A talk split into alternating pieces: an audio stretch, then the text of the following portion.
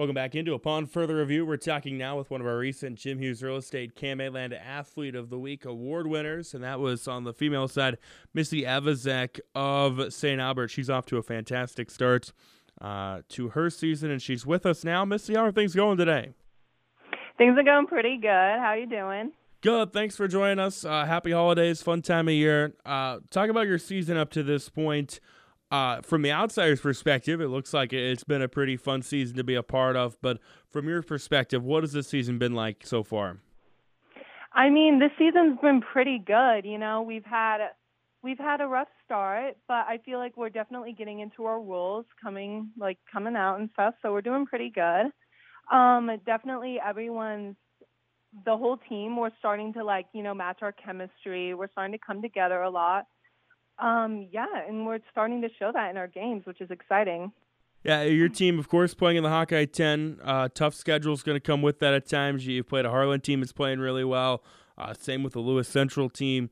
Uh, and then a really good Underwood team that's won, I think, eight or nine in a row.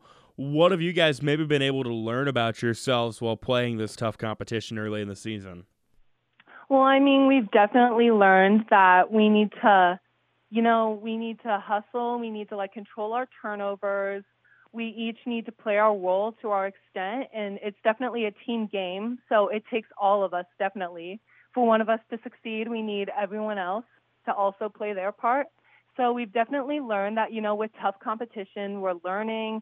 We're definitely um, figuring out what what we have to do, definitely for the harder games, and what we need to control going out into uh, more competition you, you guys closed the, the first half of the season playing a Kuemper team that really had been playing pretty well uh, coming into that game.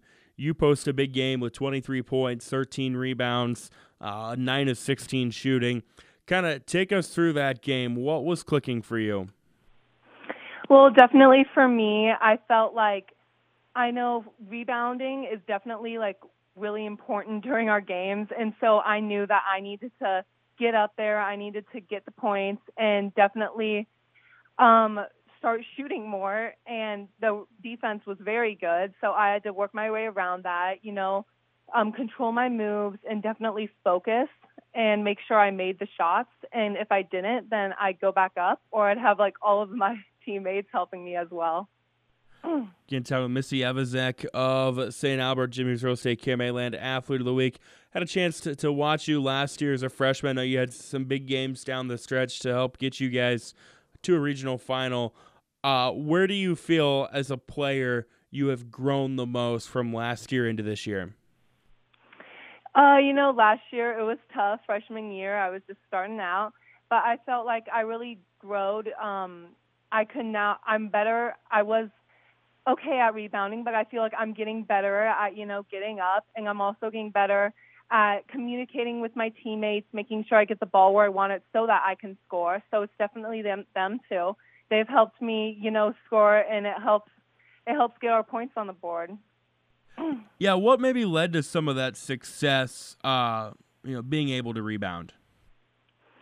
Um, you know, it helps you know, when you get up there and you get those balls, you can pass them out. You get a ton of more opportunities. So the rebounding really creates a ton of.